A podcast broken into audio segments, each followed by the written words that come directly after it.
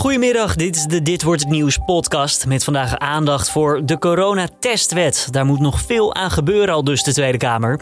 Liane Den Haan weg bij 50PLUS, maar houdt zetel. En het is Wereldwachtwoordendag. Ja, hoe veilig zijn jouw accounts?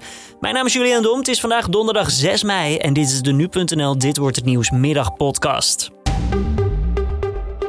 De coronatestwet moet nog verbeterd worden. Dat vindt een groot deel van de Tweede Kamer. Het kabinet wil dat de samenleving de komende maanden wordt geopend met behulp van testbewijzen. Dan kun je bijvoorbeeld weer naar een museum of de bioscoop met een negatieve test. Die kost 7,50 euro.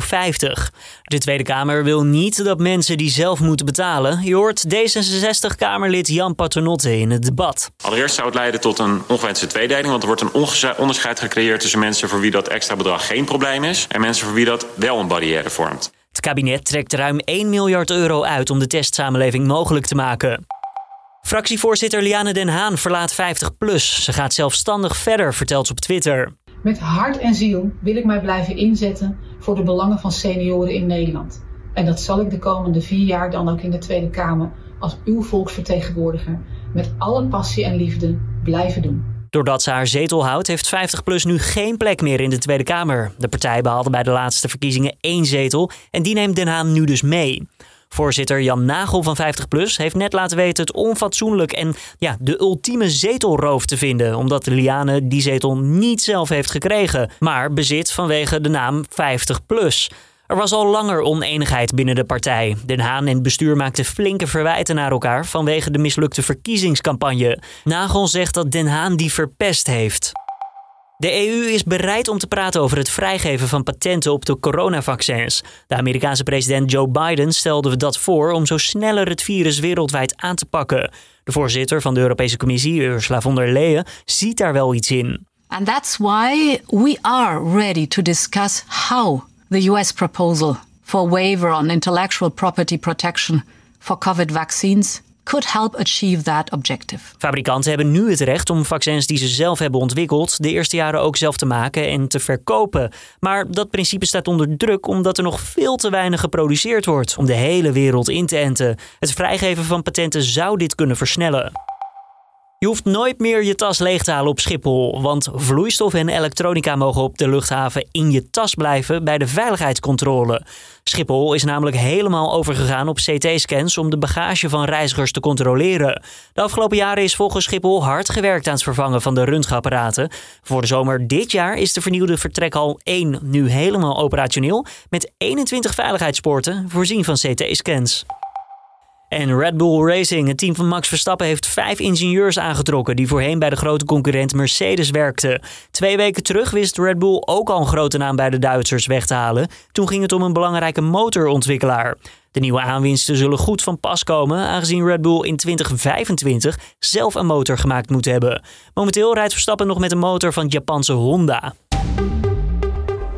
Dan weer van Weerplaza. Ja, vanavond blijft het in het zuiden regenachtig. Verder een enkele bui. Vannacht droogt het op en morgen wisselen zon en stapelwolken elkaar af. Lokaal valt er dan nog een buitje en het wordt dan 12 tot 14 graden.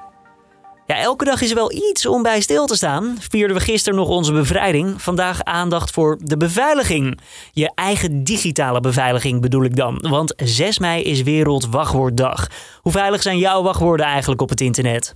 Toch belangrijk om dat op orde te hebben en ervoor te zorgen dat hackers niet zomaar je slimme lampen aanzetten terwijl je slaapt. Of je bankrekening leegscheppen omdat jij je wachtwoorden niet op orde hebt. We hebben onze tech-redacteur Rutger Otto even gevraagd wanneer je wachtwoorden nou echt aan vervanging toe zijn. Nou ja, als je nog een kort of heel simpel wachtwoord gebruikt, hou daar meteen mee op. Uh, 1, 2, 3, 4, 5, 6 schijnt nog vaak gebruikt worden. Doe dat vooral niet meer. Gebruik geen wachtwoord uh, met het woord wachtwoord bijvoorbeeld. De naam van je vriendin is een slechte.